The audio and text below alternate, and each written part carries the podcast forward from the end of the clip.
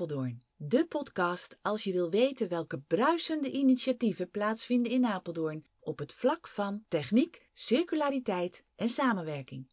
In elke aflevering ga ik op zoek naar hoe Apeldoorners bijdragen aan een mooiere, schonere en meer eerlijke wereld. Ik ben Angelique, Angelique van de Energiefabriek en ik neem je als super alpha mee in Betaland.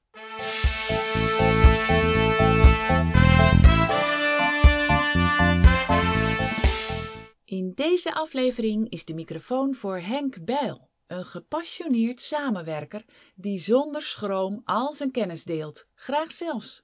Henk is samen met zijn compagnon Reinhard Oldhuis eigenaar van Vexcold Europe, een organisatie die gespecialiseerd is in dilatatieprofielen. En dat is een toepassing die in de bouw onmisbaar is. Met Henk spreek ik over zijn product, over samenwerken in de bouw en over zijn arbeidsmoraal. Welkom. Ja, of jij kan ook welkom tegen mij zeggen, Ja. want eh, we zitten op jouw kamer, de kamer van Henk Bijl, op het Zwitserterrein. 144 is het nummer. Ja, het energiegebouw. Ja, het Ja, ja. energiegebouw. En Henk Bijl werkt voor Vexcold, of is Vexcold Europe. Exact. Klopt dat? Ja, dat klopt. Ja. En daar gaan we het eh, over hebben vandaag, wat dat dan is en wat die dan maken. Ik ben heel benieuwd, maar ik ben ook best wel benieuwd naar jou, want we kennen elkaar nog niet zo lang. Ben jij eigenlijk een echte Apeldoorner? Nee, ik ben geen Apeldoorner. Ik ben een geboren Ommenaar. Ommenaar. Ommenaar, ja, daar ben ik geboren. En eh, in mijn tienerjaren ben ik eh, opgegroeid in Drenthe. eh Hartje van Drenthe. Aha. En nou ja, eh, 30 jaar geleden ben ik naar Apeldoorn gekomen. En, Dus iets meer naar het westen opgeschoven, maar niet te ver. Niet te ver, wel centraal. In mijn beleving, Apeldoorn ligt centraal. En daar liggen ook de kansen. Daar liggen de mogelijkheden. Eh, je hebt in de straal van om Apeldoorn heen eh, diverse vliegvelden liggen. Waardoor Apeldoorn eigenlijk voor, voor mij heel interessant is. Omdat we ook internationaal oriënteren. Aha. Want wat bracht jou precies naar Apeldoorn? Mijn werk, bewust ook gekozen om in Apeldoorn te komen werken. Eh, omdat hier nou, in mijn beleving dan de kansen liggen. Lagen en liggen. En eh, ik denk ook als je geografisch kijkt, ja, heb je in Apeldoorn de, de meeste kansen. Omdat je een lijn hebt precies langs Apeldoorn, van Amsterdam tot en met Berlijn enzovoort.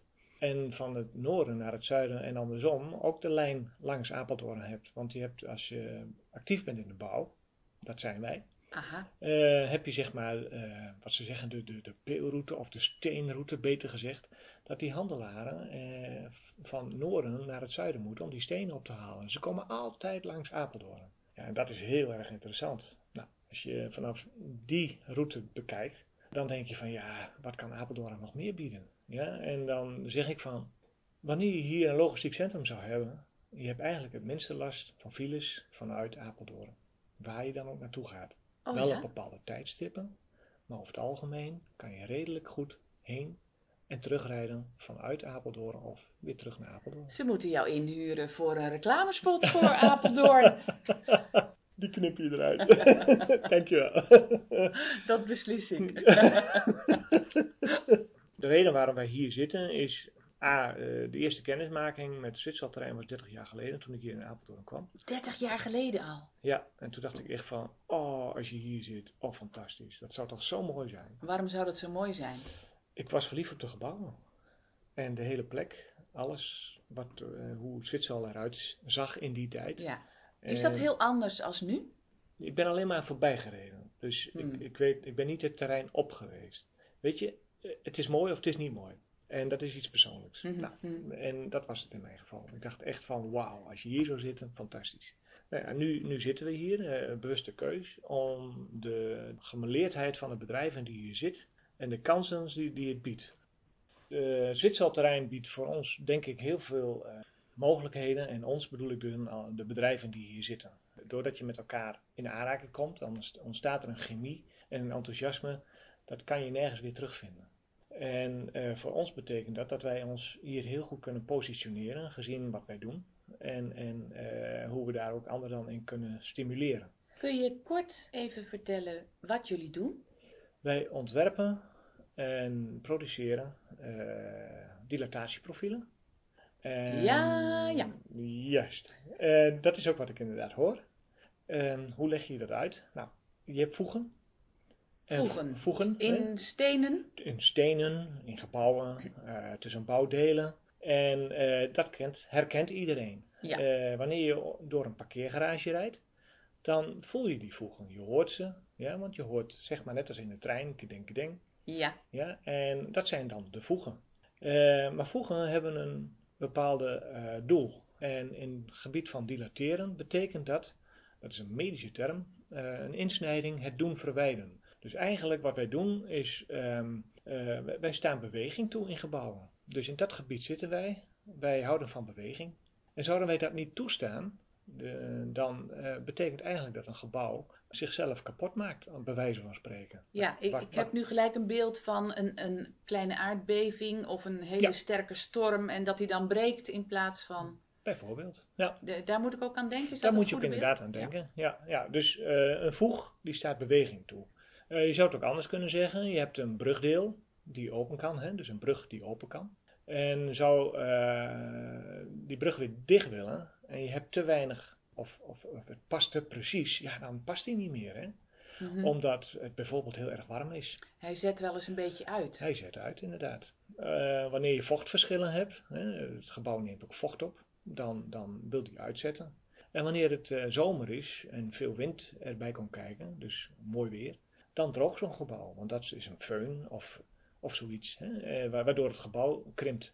En, eh, en dat wordt in een voeg opgevangen, dus in een dilatatie. Oh, dat heet dila- dilatatie. Ja, En ja, misschien heel raar hoor, maar in de badkamer heb je dan wel van dat elastische spul wat je tussen de voegen stopt. Is het dan zoiets? Eh, dat, dat zou het kunnen zijn. Ehm, inderdaad is, is een, een kitvoeg, want daar Ja, heb je het over. ja, ja. eh, die, die, die staat een bepaalde mate van beweging eh, toe, maar dat is zeer gering. En daarnaast heeft hij een verouderingsproces, wat betekent dat je hem ook jaarlijks moet inspecteren of dat ook vervangen moet worden, ja dan nee. En wat wij ontwikkelen is wat gebouwlang meegaat.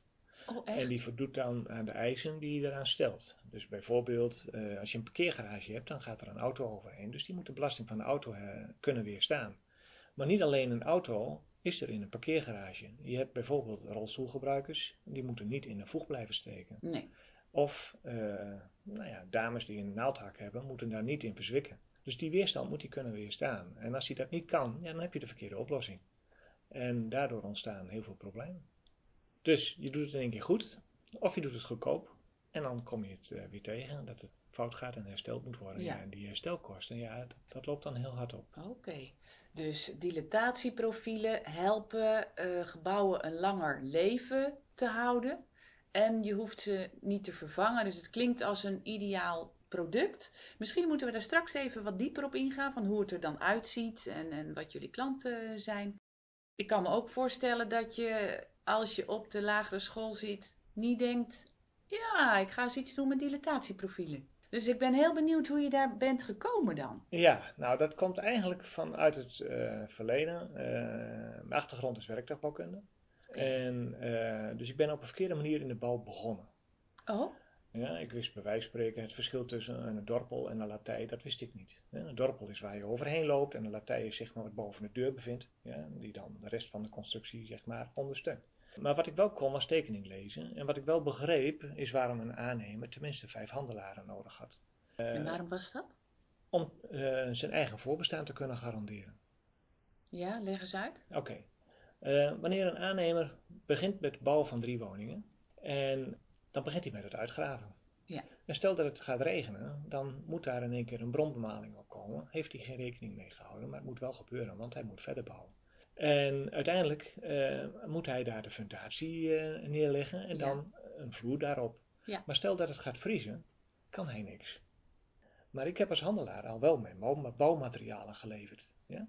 Dus na een maand of drie kan hij verder met bouwen en kan hij zijn begane grondvloer leggen. Op het moment dat de begane grondvloer ligt, eh, kan hij pas de eerste termijn sturen naar zijn opdrachtgever. Als handelaar wilde ik eigenlijk al twee maanden eerder mijn geld zien. Dus omdat ik dat niet ontvang, zeg ik tegen die aannemer: ja, wacht even, ik lever pas op het moment dat jij mij betaalt. En dat maakt, om zijn eigen voorbestaan te garanderen, dat hij vijf handelaren bijvoorbeeld nodig is. Als de een niet meer wil, kan die verder met de ander. Precies. Oh, zo. Ja. En dat begreep je al, want dat had je dan gehad bij de studie. Eh, nee, dat begreep ik omdat ik probeer te kijken vanuit mijn gesprekspartners zijn gedachten. Wat is zijn of haar belang? En dan begrijp je ook eh, hoe je concurrentie hierop reageert. Als ze het zien of wanneer ze het niet zien. En over het algemeen is dat laatste aan de orde, omdat ze allemaal willen scoren. En ik heb niet zo'n scoringsdrang. Ik wil liever dat ik in de toekomst kansen blijf krijgen. En de enige manier waarop je dat kan doen, is te denken eh, zoals je klant eh, zou denken of wat hij nodig heeft. Met andere woorden, eigenlijk zeggen van, joh, ik wil graag een ander helpen zoals ik zelf geholpen zou willen worden als ik in die positie zou zitten. Ja. En dat, dat kan je, dat ben je, of je kan het niet. Maar wat betekende dat dan eh, voor het moment dat je van die opleiding afkwam? Het betekende dat ik eh, een hele domme vraag gesteld heb, misschien. En dat is dat ik bij de eerste klant zei van, joh, geef me de tekening en het bestek, niet wetende wat ik zei. En dan trek ik de hele, het hele gebouw uit. Uittrekken? Ja, uittrekken, dat Dus- betekent dus eh, alle onderdelen benoemen en daar een offerte van maken. Maar wanneer je een bestek leest, dan kan je van bijna elke regel, eh, kun je wel drie of vier of vijf alternatieven aanbieden. Omdat een bestek schrijven heel erg moeilijk is. En dat maakt eh, dat je dan eigenlijk niet weet van waar hebben we het over. Dus dat is uitzoeken, graven, veel doen. En dat is best wel ingewikkeld, maar daardoor leer je het wel. Mhm. Dus het kostte me heel veel tijd. Maar in een jaar tijd heb ik heel veel geleerd daardoor. Ja, en dan kom je tot de conclusie, ik moet avondschool gaan volgen. Dus heb ik bouwkunde gestudeerd, et cetera. En ik denk dat dat... eh, Zodat je een bredere basis kreeg? Ik kreeg daardoor beeld? een, een hele brede kennis. Ja, ja. Een hele brede kennis. En, eh, maar niet alleen breed, maar ook diep. Diep op materiaalniveau, eh, op, op kennisniveau, op bouwkundig niveau, bouwfysisch niveau. En, en dat is juist heel erg fijn. Weet je, als je een toegevoegde waarde bent voor de, je gesprekspartner op het gebied van techniek of logistiek, kennis in, in alternatieven, ehm, maakt het dat je ook daarmee eh, een keuze kan aanbieden van joh, ik wil dit leveren en ik begrijp echt dat ik niet alles lever, maar dit wil ik leveren en dat wil ik leveren en Ja. het andere, dat doe je maar daar. En dat werkt, dat werkt heel erg goed. En uiteindelijk kwamen ze... Maar heb je dan gewerkt eh, als zelfstandig ondernemer? Nee, ik werkte als, eh, ik kom uit een ondernemersgezin, maar ik werkte bij een handelaar. Maar ik heb mijn werk altijd gedaan alsof ik de eigenaar was. En eh, ik denk ook dan dat je dan het meeste plezier hebt in wat je doet. Ja, en wat voor ondernemers waren je ouders? Mijn, mijn vader had een schildersbedrijf. Dus we hadden een winkel en we hadden personeel. Oh, hè? ja. Ja. En mijn moeder had een eh, pension.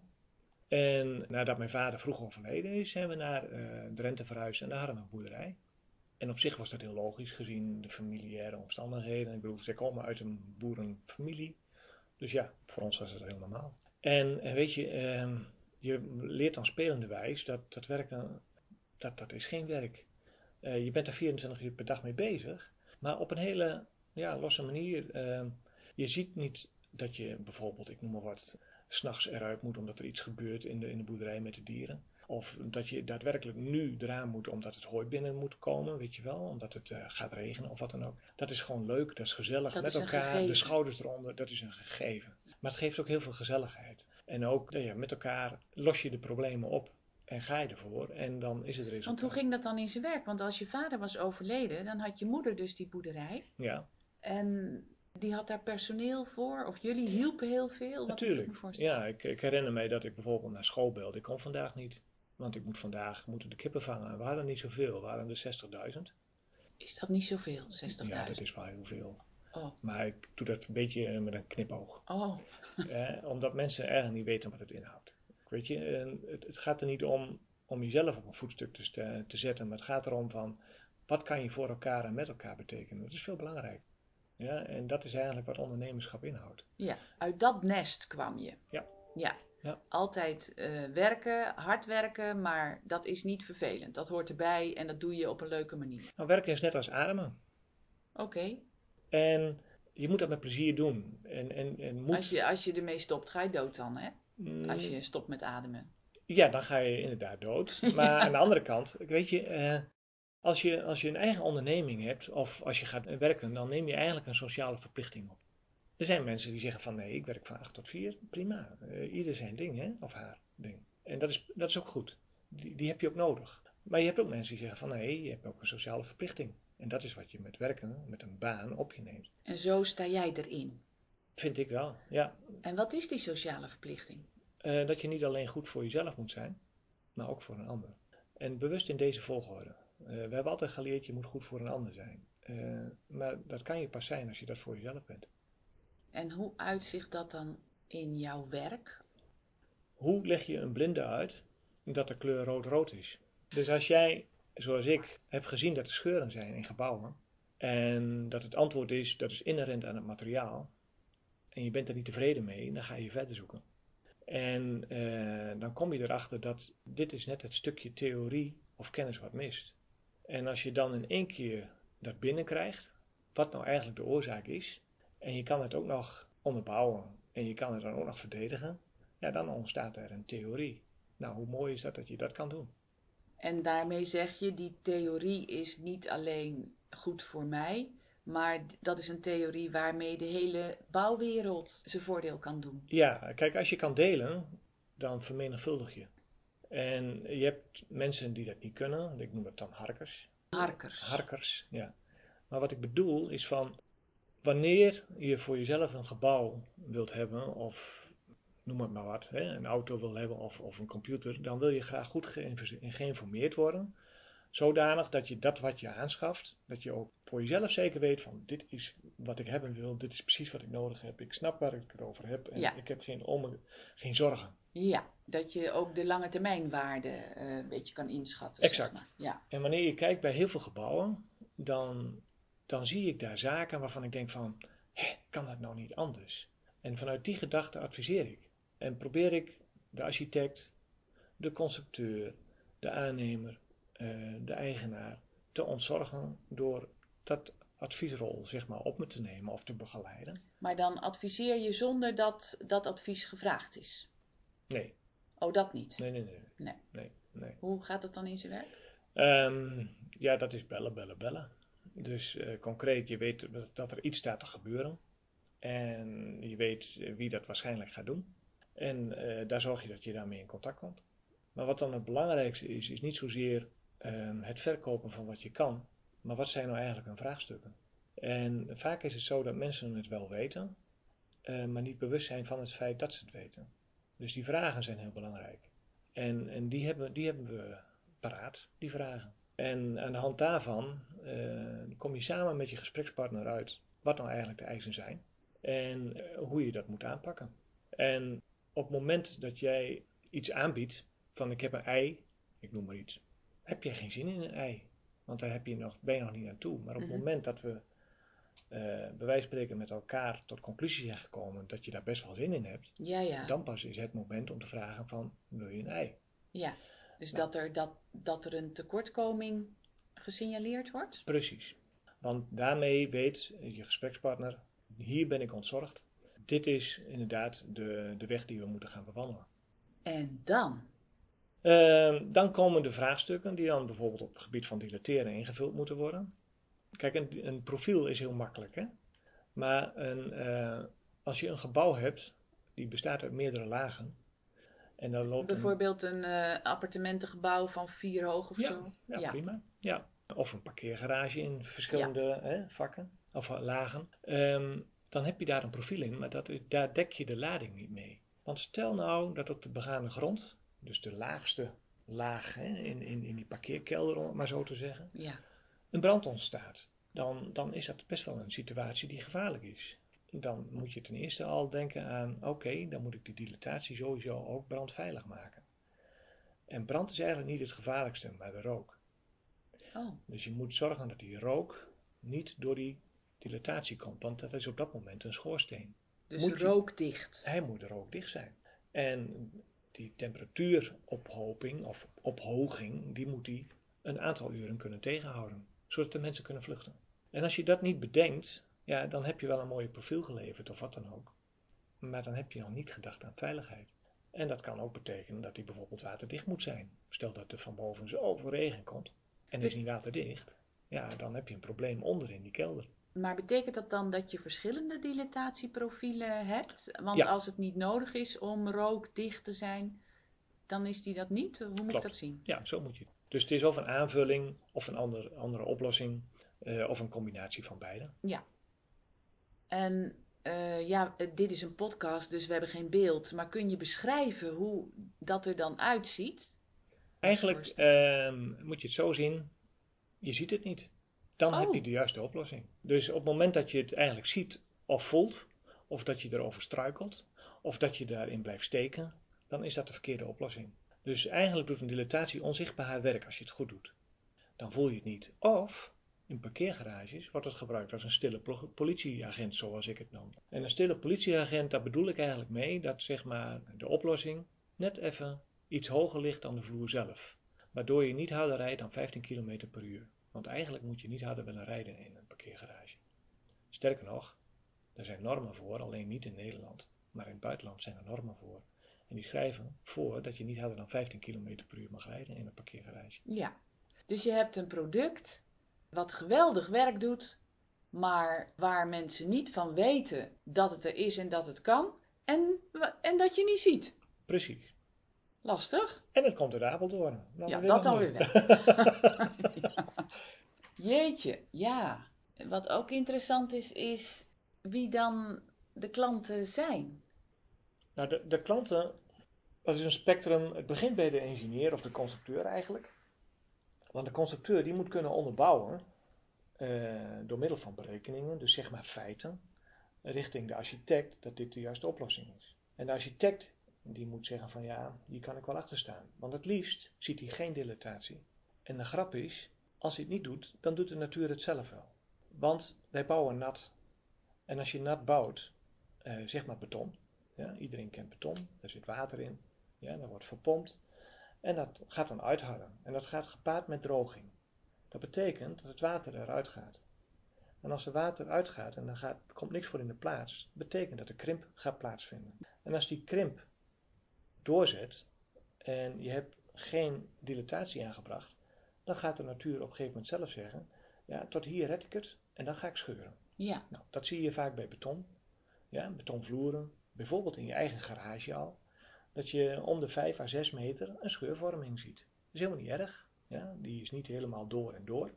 Maar die zit aan de bovenkant. maar eh, had je daar ook eh, met zo'n dilatatieprofiel kunnen werken? Ja, daar had je met een dilatatieprofiel kunnen werken. Maar je moet het zo zien, er zit zoveel vocht in die vloer. Die vloer is zeg maar 30 centimeter dik. En net als bij een boom, wanneer er wind is, bewaai- eh, die, die waait aan de bovenkant. Hè, en, eh, daar waait hij heen en weer en onderaan niet. Mhm. Nou, zo is het bij een vloer ook. Aan de bovenzijde van de vloer beweegt hij het meest, omdat hij daar het snelst droog wordt. Ja. Maar midden in de kern, dat duurt wel een hele tijd, dat kan wel jaren duren. Maar omdat je elke dag weer een verschillende vochthoeveelheid hebt, zeg maar, qua aanbod in de lucht, eh, betekent het dat die vloer dan altijd beweegt. Hij neemt vocht op, dus hij wordt weer wat massiever, bij wijze van spreken. Ja. En hij staat vocht op, dus er ontstaat een gleufje. Dat zie je bij pakket ook, hè. Oh ja, Eh, ja. Zomers, dan, dan is het eh, lekker dicht allemaal, staat allemaal keurig tegen elkaar aan, omdat je de deuren open hebt. En 's winters zie je in één keer allemaal voegen ontstaan. Ja, dat, dat komt omdat je thuis stookt, je hebt de deuren dicht, er is een droge lucht. En ja, dan gaat het vocht uit het pakket. Nou, dat is wat ook in beton gebeurt. Om- Maar het kan toch niet dat daar niet eerder rekening mee is gehouden?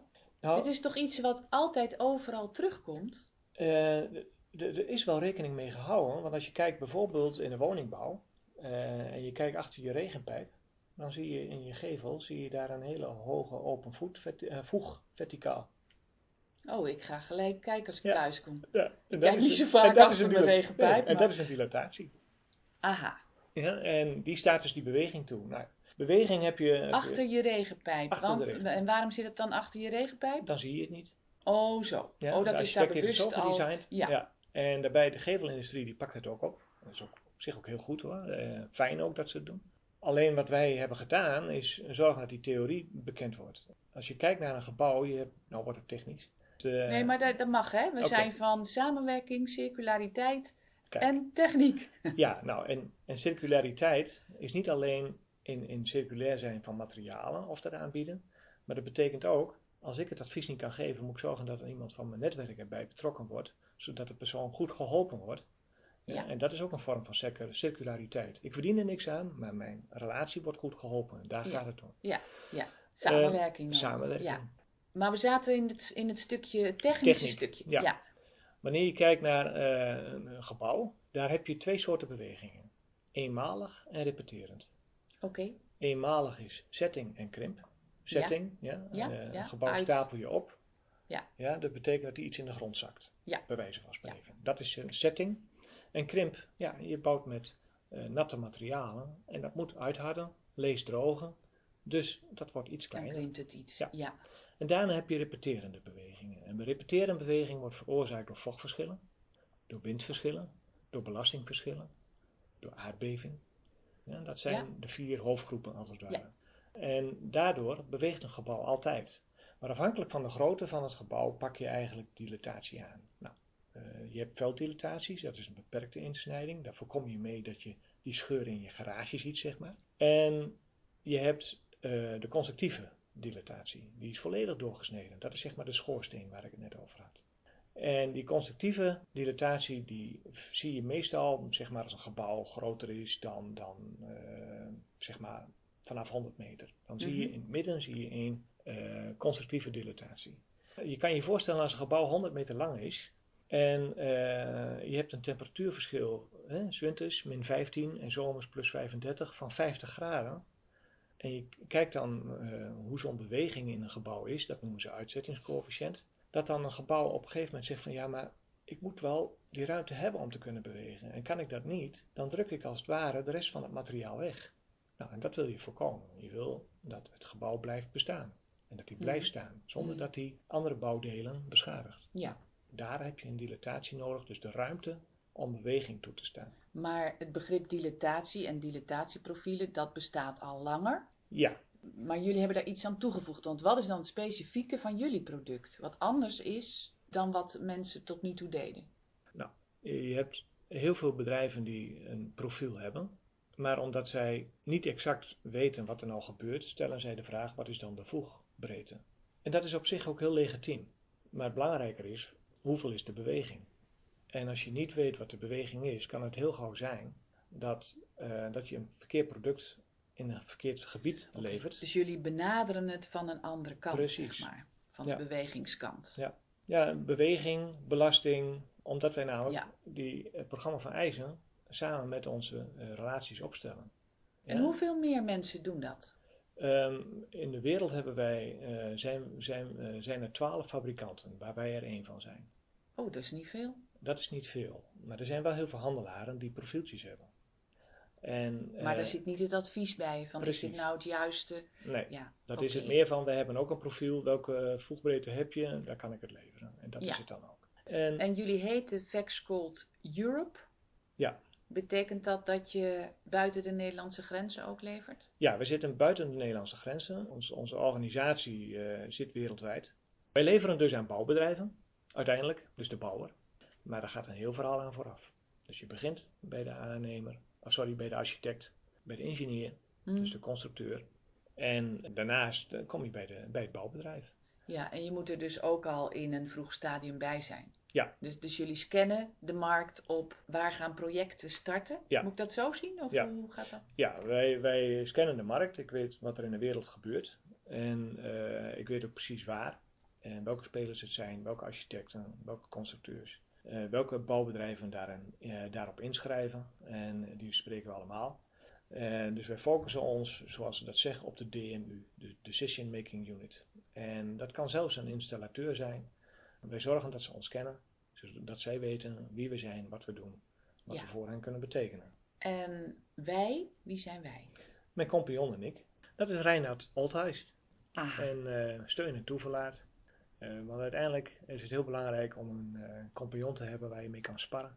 Die je aandrijft tot eh, het scherpst van de snede te gaan. En daar begint het mee. Ja. En van daaruit onze oud-collega's die we erbij kunnen betrekken. Die internationaal zitten. Waardoor we heel snel overal terecht kunnen. Want waar wordt het gemaakt dan? ik heb het zo georganiseerd dat ik alle fabrieken ken die bijvoorbeeld aluminium ex- extruderen. Uh, zijn uh, geselecteerde fabrikanten die uh, tenminste meer dan 90% van hun materiaal dat het gerecycled. Oh, echt? Ja, ze maken alles onder NDA, dus Non-Disclosure Agreement is dat. Dat betekent concreet dat ze alleen maar voor ons produceren. Ze mogen dit niet aan een ander leveren, omdat wij een internationaal patent hebben op al onze producten. Dus ik kan het eigenlijk overal maken. En dat doen wij ook. Ja, wanneer ik in India iets moet leveren, laat ik het daar produceren, wordt het daar geleverd. Wanneer ik hier in Europa wat moet leveren, wordt het hier in Europa gemaakt. In Nederland of in België of in Duitsland of in Engeland. Dus in die zin is het heel wendbaar Ja. en snel Ja. dicht bij de klant ook. Ja, ja, Ja, maar dat is, dat is echt een heel een, een pre. Dus betekent eigenlijk dat Maar mijn als je het hebt over gerice, sorry dat ik je in de reden val, maar als je het nou hebt over het is voor eh 90% gerecycled materiaal, waar moet ik dan eigenlijk aan denken qua materiaal? Nou, aluminium. Eh, aluminium Ja. wordt een aantal druksterktes geleverd en wij leveren een hele hoge druksterkte. En het grappige is, eh, het kost eigenlijk heel weinig energie om aluminium te smelten.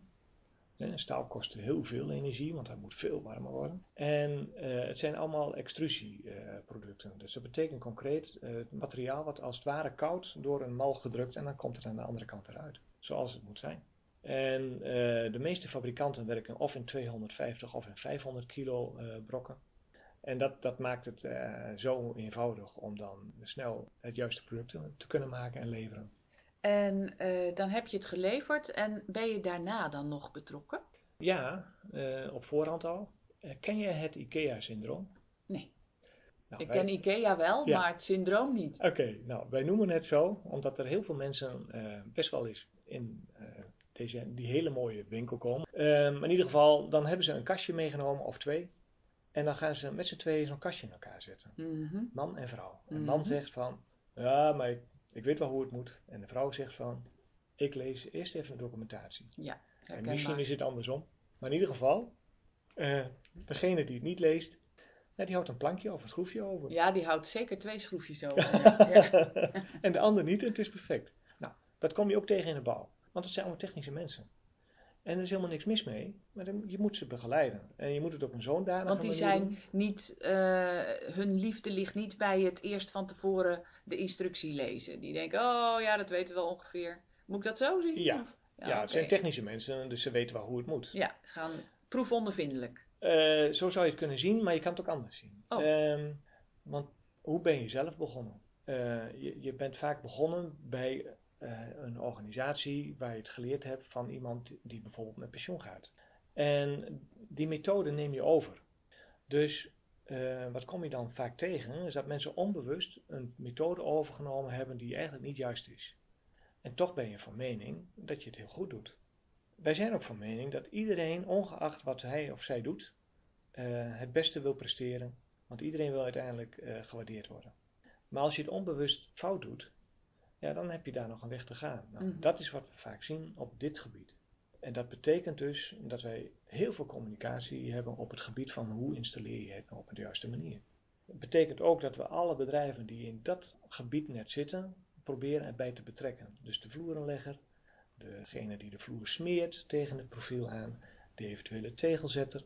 Ja, wat zijn er de details? Waar moet je op letten? En dat gaat zelfs zo ver dat wij het ook begeleiden in het werk. Dus het kan best zijn dat ik s'nachts op een werk zit waar ze een dilatatieprofiel gaan installeren en dat ik erbij ben. Het klinkt heel arbeidsintensief. Het is niet arbeidsintensief, het is voorkomen van problemen. En eh, snappen dat als het niet goed gaat, wat dan de kosten zijn en de gevolgen.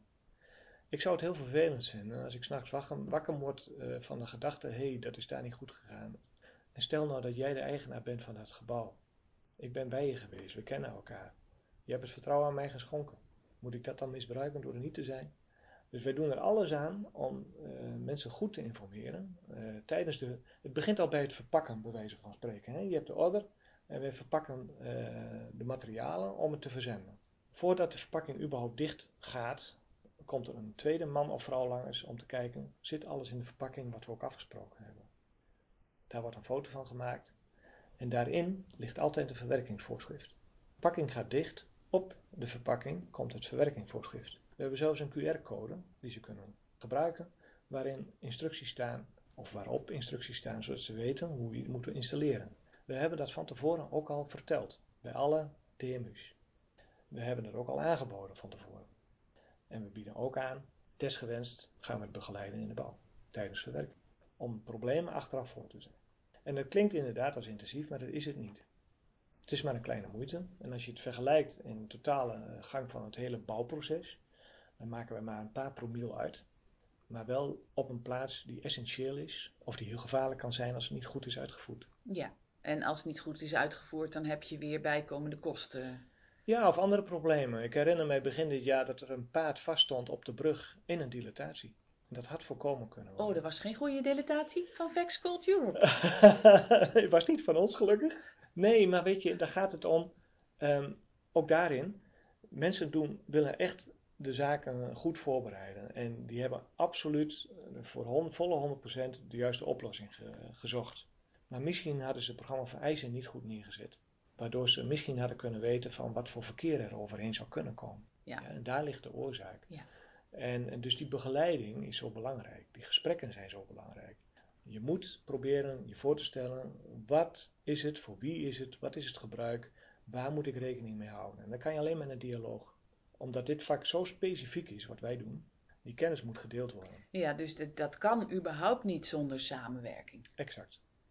En het klinkt eh, behoorlijk als een succesverhaal. En dan ben ik eigenlijk wel benieuwd, heb je ook wel eens tegenslagen hierin gehad? Of hobbels? Ja, de, de hobbels die wij bijvoorbeeld in Nederland eh, ervaren, is er zijn geen normen. Er zijn geen normen in Nederland. Er zijn geen normen in Nederland op het gebied van dilateren. Nee. Jongen, we hebben toch één klein gebiedje gevonden waar geen normen zijn. Klopt. En Ja. regeltjes. Ja, en ik ben er nog maar eh 15 jaar mee bezig onderhand. Dus eh, zo makkelijk als we zijn, denken te zijn, zo, eh, zoveel tegenwerking hebben we, om maar zo te zeggen. Maar ik noem het geen tegenwerking, maar zoveel uitdagingen hebben we. Om dit goed door te laten dringen. En eh, ja, daar, daar, daar besteden we heel veel tijd en energie in. Dus, eh, Om te zorgen dat te er wel normen komen. dat er wel normen komen. En in alle landen om ons heen zijn er normen. Meen je niet? Ja, absoluut. En dat is wel grappig. En dat, eh, dat maakt het ook heel erg levendig. Dus elke dag is weer een nieuwe kans. En, en je hebt nooit gedacht, nou jongens, eh, dit is vechten tegen de bierkaai, het is zo ingewikkeld, toedeledokie. Gaan we Nee. het anders doen? Nee, eh, kijk, op een moment suprem dat eh, organisaties het absoluut niet willen gebruiken, dan word je wel geconfronteerd met niet prettige dingen. Eh, maar ik weet dat de natuur uiteindelijk zegt van, ja, ik kan niet meer, ik ga scheuren of het Ja. gaat kapot. Maar ja, dat duurt dan misschien een beetje lang. Ja, soms duurt het een jaar, soms duurt het iets langer. Ja, maar we zien heel vaak dat de tegels letterlijk en figuurlijk eruit knappen. En komen ze dan wel bij jullie? Ja, dan in één keer snapt men dat er gedilateerd moet worden. Maar dat Ja. is een heel eh, ingewikkeld vraagstuk.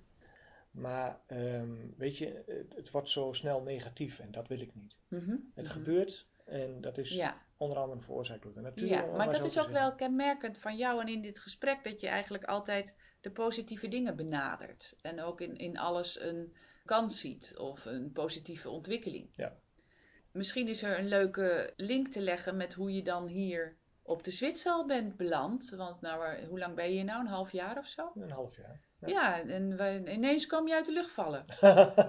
nou, daar zijn we wat gesprekken aan vooraf gegaan. Vertel. Nou, weet je, ehm, je zoekt mensen om je heen waar je mee kan delen. En, eh, Maar je- delen over dilatatieprofielen of andere dingen delen? Mm, Het gaat, het gaat heel breed. Eh, want uiteindelijk is het zo, als je niet eh, eh, kan delen, kan je niet vermenigvuldigen. Dus je zoekt zeg maar gelijkgestemde mensen.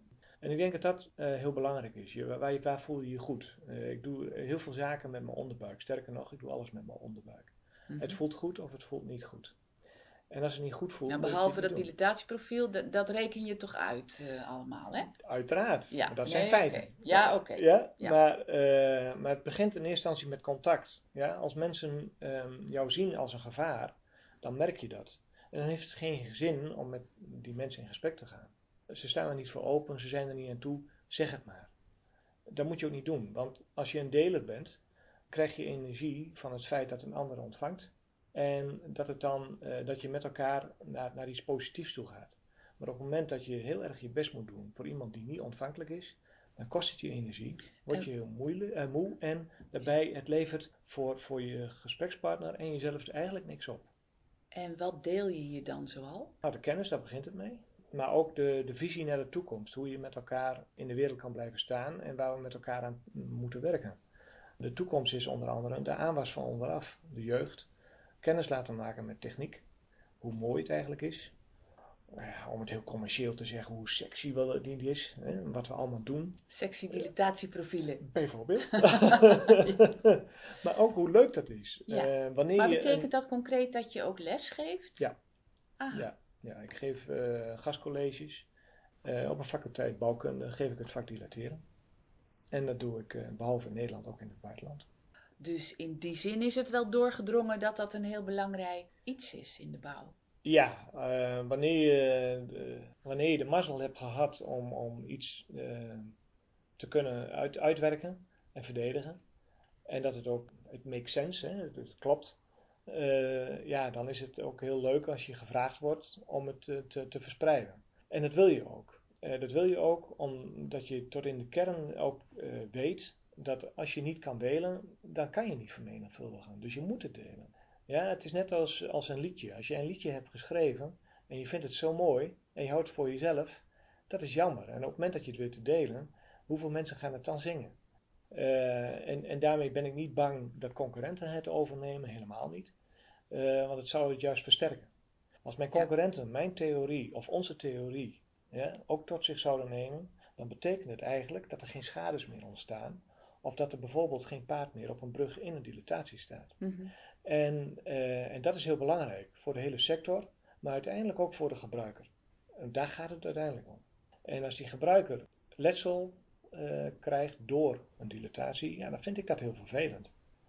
En dat, dat is wat ik wil proberen te voorkomen. Dus ja, ik, eh, ik roep bij deze eigenlijk mijn concurrenten op van jongens, kom bij ons. Laten we zorgen dat er normen komen. Maar ja, dan moet ik toch andere talen gaan aanhalen, want hier in Nederland zijn geen producenten.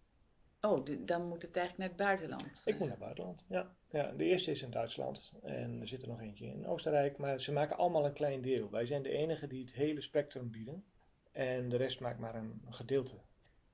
Jeetje, nou, ik heb toch veel geleerd in deze podcast. Ik ga thuis gelijk achter die regenpijp kijken. Of ik, wat, ik ga mijn hele huis doorkijken. Ja, de garage, garage. waar... Ja. eh, ja, mijn man heeft een garage gebouwd. Ik zal hem eens even vragen naar die eh, profielen en hoe hij dat heeft opgelost. Nou, of in een parkeergarage. Ja, ja, dat zou kunnen, ja. Ja. En nou, je hebt het al een aantal keren genoemd, eh, delen, delen, delen. Eh, is er iets wat jij, eh, behalve deze podcast, eh, zou willen delen met de luisteraars? Ja, onze passie is techniek, maar die kan je alleen maar hebben omdat eigenlijk de passie zit in het ontmoeten van mensen. Het delen van gegevens, het Mhm. ontvangen van gegevens. Mhm. Dus zeg ik, laat nieuwsgierigheid je kompas zijn en creativiteit je metgezel. Het mooiste wat ik eigenlijk ervaren heb is, en daar zitten we nog steeds middenin, dat heel veel mensen tegen ons zeiden, dus zeg maar iedereen wist dat het niet kon, totdat er iemand kwam die dat niet wist. Als je, als je die persoon bent geweest en dat hebt mogen verkondigen, ja, dan ben je alleen maar enthousiast. Oké, dankjewel. Dus die is om mee te geven en over na te denken. Laat je niet weerhouden eh door eh, kan niet, hebben we al bedacht, et cetera. En ik zit hier met één oog naar jullie eh, whiteboard te kijken. Er staat op: Twijfel maakt meer dromen stuk dan mislukking ooit zal doen. Waar niets mag mislukken, kan niets nieuws ontstaan. Klopt.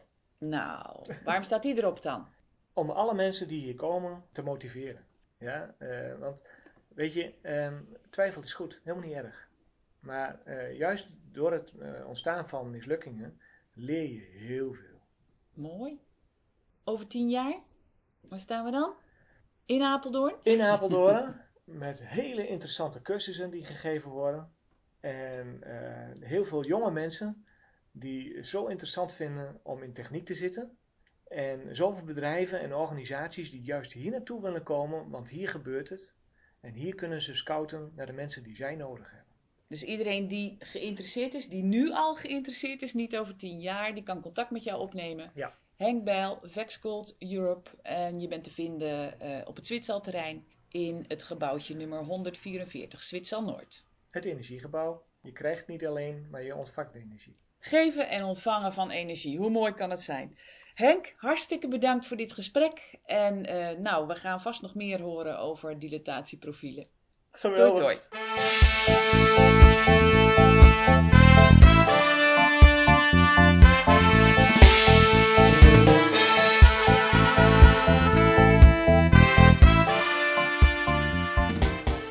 Dankjewel voor het luisteren naar Hotspot Apeldoorn. Helemaal top. Wil je geen aflevering missen? Abonneer je dan op Hotspot Apeldoorn via je podcast-app. Als je ook vindt dat er meer techniek, circulariteit en samenwerking in de spotlights mag komen, laat dan alsjeblieft een review achter op de podcast-app die jij beluistert. Heb je zelf ideeën voor deze podcast of heb je misschien een inzicht opgedaan dat je wilt delen? Helemaal leuk, laat het me weten. Mail naar hotspotapeldoorn@gmail.com en dan is pot met de D van podcast. Nogmaals super dank voor het luisteren en tot de volgende aflevering.